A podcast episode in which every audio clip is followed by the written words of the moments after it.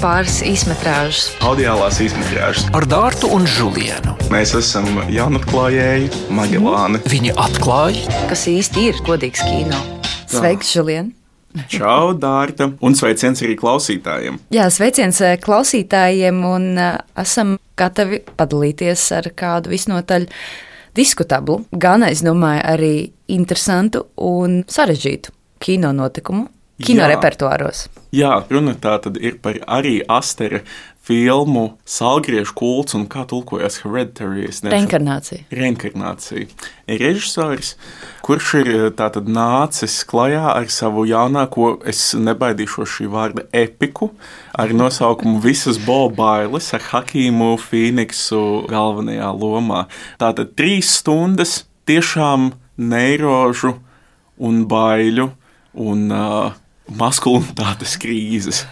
Man uzreiz vienkārši nāk prātā. Kino klasiķim Aleksam Germanam bija filma Grūti būt dievam. Un savā ziņā pārfrāzējot arī Astera filmu Visas Bobailes, es gribētu teikt, grūti būt vīrietim.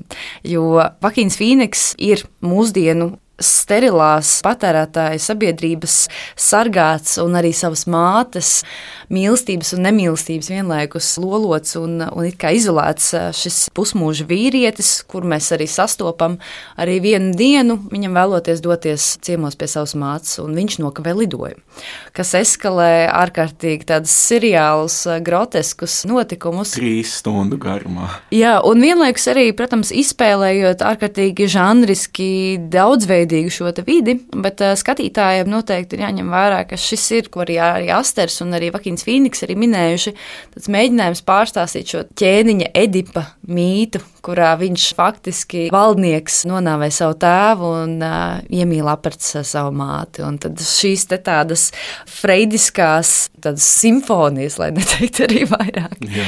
Tādas pamatnes arī tiek novietots arī šis te bo. Un uh, savā ziņā, kas varbūt šo filmu padara interesantu, domājot par plašāka mēroga arī kino tendencēm vai iezīmēm, domājot par šausmu šo žanru vai šausmu kino, kā tas ir mainījies tieši par tādu šausmu telpu, kļūst cilvēka seksualitāte un dzimums. Un to mēs esam redzējuši ārkārtīgi daudzās filmās Jā, pēdējos gados. filma, vīri. Jā, Aleksa Gārlenda. Un arī, piemēram, izceļot šāda tipa arī, teiksim, interpretāciju, kurā cilvēka apspiestā vai frustrētā šī te seksualitāte kļūst par telpu vai atspērienu tādai jau visnotaļ. Tādai jau tādai ciniskai kritikai sabiedrības virzienā, protams, jāizceļ arī Andrija Dominika filma Blondīna, kas bija mēģinājums izveidot tādu daļai autobiogrāfisku, fikcionālu, tātad izdomātu stāstu par ā, Džīnu Normu, jeb Merlinu Monroe, kuras tēlā ietās Anna de Armas. Tad filma ir skatām Netflix, un tad arī tad, domājot par viņas šo dzīves gājumu, tad atkal ir ā, centrā viņas bērnība, attiecības ar māti, kurai arī ir mentāli apgrūtinājumi, un arī, protams, šo promisošo tēvu. Man personīgi arī Astera filma, visas Bobailes, kas ir, es teiktu, arī viens no šī gada lielajiem tādiem globālā kino arī notikumiem, novietojas kā tāds, nu, tāds avers, tāda otra monētas puse. Jo, manuprāt, šīs filmas, ja viņas kādreiz varētu izrādīt kinoteātrī, un kas, protams, būtu kopā nepilns sešu stundu garš kinoseans. Un es domāju, ka noteikti vajadzētu kādus teiksim, seansus papildināt, lai to visu noskatītos. Bet tas kaut kādā mērā kas ir interesanti izgaismo to, kā mēs nu, tādā vispārīgā tvērumā domājam par šo sieviešu frustrāciju vai vīriešu frustrāciju. Visas bailes faktiski ir par. Tikai par vīriešu bailēm. No tuvības, attiecībām ar sievietēm, attiecībām vīriešiem, spēks, mīlestība, viss, viss, viss tur ir kopā. Kādēļ mēs esam izvēlējušies arī šo filmu? Jo neapšaubām arī Asters ir viens no studijas un arī izplatīšanas kompānijas A24 tādiem brīnumbērniem un spožākajām zvaigznēm.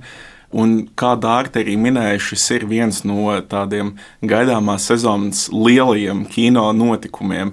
Un kas ir, protams, interesanti, viņa darbu ietverā arī šī filma pieskarās ģimenes laukam, kā tādu šausmu iemiesotājam, un neizbēgam arī ietekmē skatītāju caur šo subjektīvo prizmu ļoti viscerālā veidā. Respektīvi, kino paņēmieni ir apzināti veidoti tādi, lai pakāpeniski audzētu šo. Es nezinu, nevarētu teikt, ka tā gluži ir baiļu sajūta, bet gan tādas trauksmes sajūta, kas lēni kulminē un it kā ievieto skatītāju tādā paranojas arī stāvoklī. Nu, es pat teiktu, līdzīgi jā. kā arī galvenais varonis. Šis eh, bo, kuru atveido Vakīns Fīniks, arī nu, dažādās arī šajās vecuma spektros mēs ieraugām šo bo varoni.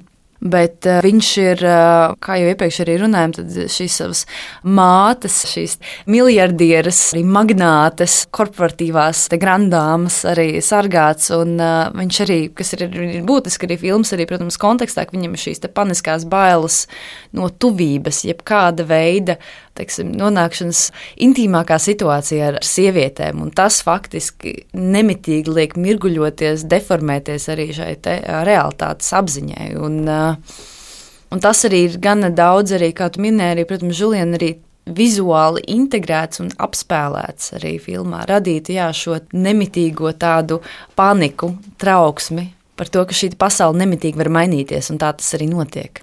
Kinokritiķe Dārta Ceriņa, Dārta Toms un kino publicists Žuliens Nuhums Kulibali. Es esmu Džerijs. Ar mums viss sākas. À. Kas tad notiek šausmu žanrā mūsdienās un pēdējos gados, un ko mēs esam redzējuši arī festivāla kino klāstā?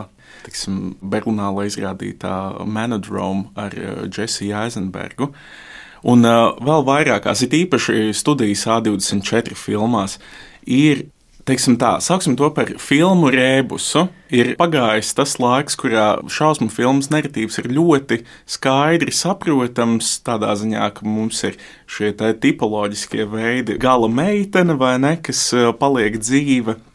Tur ir labākais draugs, kurš iet bojā traģiskā, bet varonīgā nāvē, un tā tālāk, vēršot būtībā skatu uz ļoti metaforisku valodu un uz iekšēju baiļu, respektīvi tādas psihiskas introspekcijas virzienā.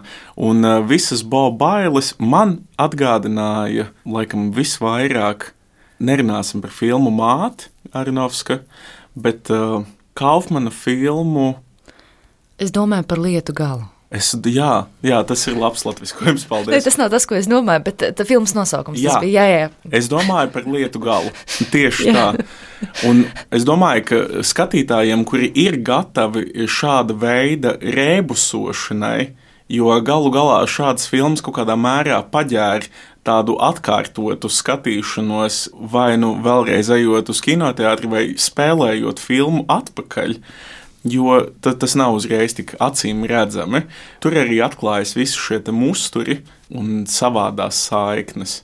Jā. Mm, es piekrītu salīdzinājumam ar uh, Čārliju Kaufmanu filmu un vispār arī šo kaufmanisko uh, arī spēku. Uh, Jonzas domājot, piemēram, arī par, par Džonu Malkoviču šādu, Jā. šādu tādu apspēle caur vienu tēlu vai caur vienu šo situāciju, kas nemitīgi attīstās, it kā kulminē, bet viņi stāv faktiski arī uz vietas. Jā, šis cikliskums šajā filmā arī parādās. Un ir, un ir rebusi tādas puzles iezīmes, bet eh, visas Bobailas gadījumā, kur es varbūt personīgi jūtu kaut kādu šo aizturu, ka žanrs kādas daudzveidības pārblīvējums, jo te ir gan tādi meta-ironiski Jā. komentāri, te ir melodrāma, te ir vēl paralēli tiek integrēti arī tādi sazarojumi arī šajos narratīvos stāstījumos. Jā, mīta struktūra. Mīta struktūra, minēja, protams, jā, šis ķēniņš ēdības, bet vienā mirklī tas viss ir tik ļoti koncentrēts ap šo galvenā varoņa, šo seksualitāti un, un nu, tādām nu jau es pat teiktu, tādām nedaudz novalkātām freidiskām arī zeķēm, tad uh, man vienā mirklī kļuva par daudz arī visu šo te savā ziņā baiļu. Īsti viņas tā kā dodot kā tādus impulsus, bet īsti personīgas pat arī. Nu, Neredzēju arī nekādu atrisinājumu. Man šķiet, arī ļoti interesanti. New Yorker Ričards Braudijs, kinokritiķis, jau jau arī recenzijas nosaukumā par šo filmu arī minēja, ka atkal vainīga ir māmiņa kāpēc mēs atkal vainojam māmiņu. Kā, kāpēc šajos stāstos par vīriešiem, tīpaši šausmu filmās, kāpēc mēs vainojam kā, sievieti? Un tāpat kā pieminēja arī amerikāņu kino režisora Darena Aronauska filmu Māte ar Jennifer Lawrence, kas pārstāstīja faktiski šos vecās derības un nonākot līdz jau jaunajai derībai arī, arī šos sižetus. Novietoja centrālajā skatām Netflix, man šķiet. Jā, jā, un novietoja Jennifer Lawrence šajā centrālajā vietā. Tad, tad, faktiski jā, šī māte, kā šī tāda devēja un vienlaikus tas tāds destruktīvais spēks ir jau, man liekas, tik daudz arī sastopams arī ne tikai amerikāņu šausmu kino avanscēnā, bet arī kopumā. Manuprāt, šī filma arī šo mātes to destrukciju, kas faktiski nosaka savu bērnu nu, dzīvi. Un šajā gadījumā vīrieši nespēja kaut ko darīt, vai vienkārši būt viņam pašam, jo viņš nedzīvo savu dzīvi, kā mēs arī faktiski arī raugoties vai iedziļinoties vien vairāk. Viņa Vakīna Fīniks atveidotajā tēlā arī noskaidrojumā, manuprāt, tas jau ir tāds jau gana noiets gājiens. Iespējams, jā, varbūt es tev arī nelīdz galam piekrītu, jo tajā teritorijā, kur tā tad ir šī žanriskā daudzveidība un ir gana daudz ironijas un sarkasma, protams, pašironija ir klātesoša, ir, ir. un viņa var dažādi lasīties. Taču es zinu, ka lai gan visas Bobailas bija diezgan tāda izaicinoša pieredze, es domāju, ka nu, ar mani Bo ir palicis. Ir palicis? Jā, viņš nav, viņš nav tā pilnībā izslīdējis. Un pirmā puse šīs filmas ir, eh, manuprāt, absolūti nu, ļoti labs paraugs. Tajā, kā ir iespējams kāpināt spriedzi tieši šīs šausmu dramēdijas kontekstā, jo tie gegi, viņi ir gandrīz vai tādi čaplinīgi īstenībā sākumā.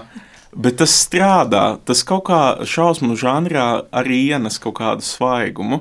Un arī labā nozīmē domāt par šo skatītāju, arī šo neparedzamību. Jā. Uh, īsti nezinot, kur, kur tā filma vedīs. Jo ir viens punkts, es teikšu, personīgi, ka es ļoti skaidri sapratu, kur filma dodas. Un viņa tieši devās tur, kur, kur es biju domājis. Un ko līdz ieraugu, vismaz man personīgi arī kāpēc es izceļu šo tādu seksualitātes stīgu un šo tādu kā ceļu atpakaļ pie mātes. Tad es domāju, ka šādi momenti, kas ir pašironizējoši, pašreflektīvi vai pat nedaudz šo te piedāvāto sižetu arī apsmaidoši, un to arī ārstērs ar Fīniks arī dara, tad viņi varbūt labā nozīmē arī ļauj pārkārtot arī mūsu uzmanību un gal galā arī atsvaidzina to, ko mēs redzam. Ir daudz veidi, kā varētu skatīties uz bailēm. Tur netrūkst arī sociāla kritikas, netrūkst uh, psihoanalīzes pieskāriena, un Freida man ļoti patika Dārta. Freida pavalkā to zeķu, un netrūkst arī brīnišķīgas aktieru spēles. Galvenokārt, protams, Hakīma Fīniksa lomā tādu nīkuli 50 gadnieku, kas uh, tajā pašā laikā ir tāds zelta sirsniņas. Bet zelta sirds, un tu ir arī, arī šobrīd aktuālais Lārs von Trīrs ar savu zelta sirds šo triloģiju, domājot par uh, Bjorkas sēlmu vai arī šo idiotu, arī varoni.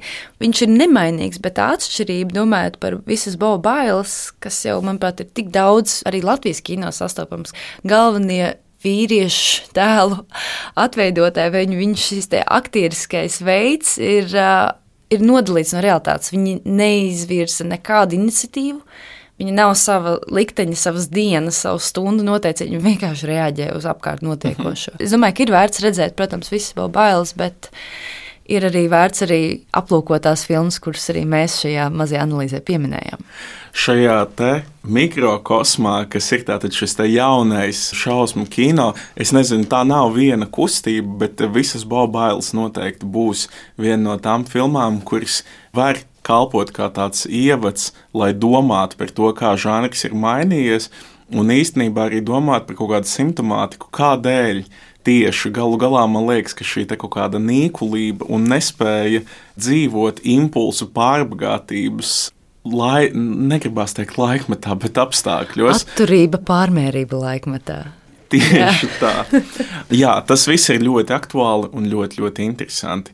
Un, uh, tiekamies pie kino ekrāniem, kad citur mēs tiksimies. Jā, vai nu arī kinoteātrī. Ja nu, mēs mēs vēl žiliem tur būsim. Jā. Mēs tur vienmēr esam. Paldies, Paldies. jums! Atā. Atā pāris īsmetrāžas. Audiālās īsmetrāžas. Ar Dārtu un Žulienu. Mēs esam jaunatklājēji Magelāni. Viņi atklāja, kas īsti ir godīgs kino.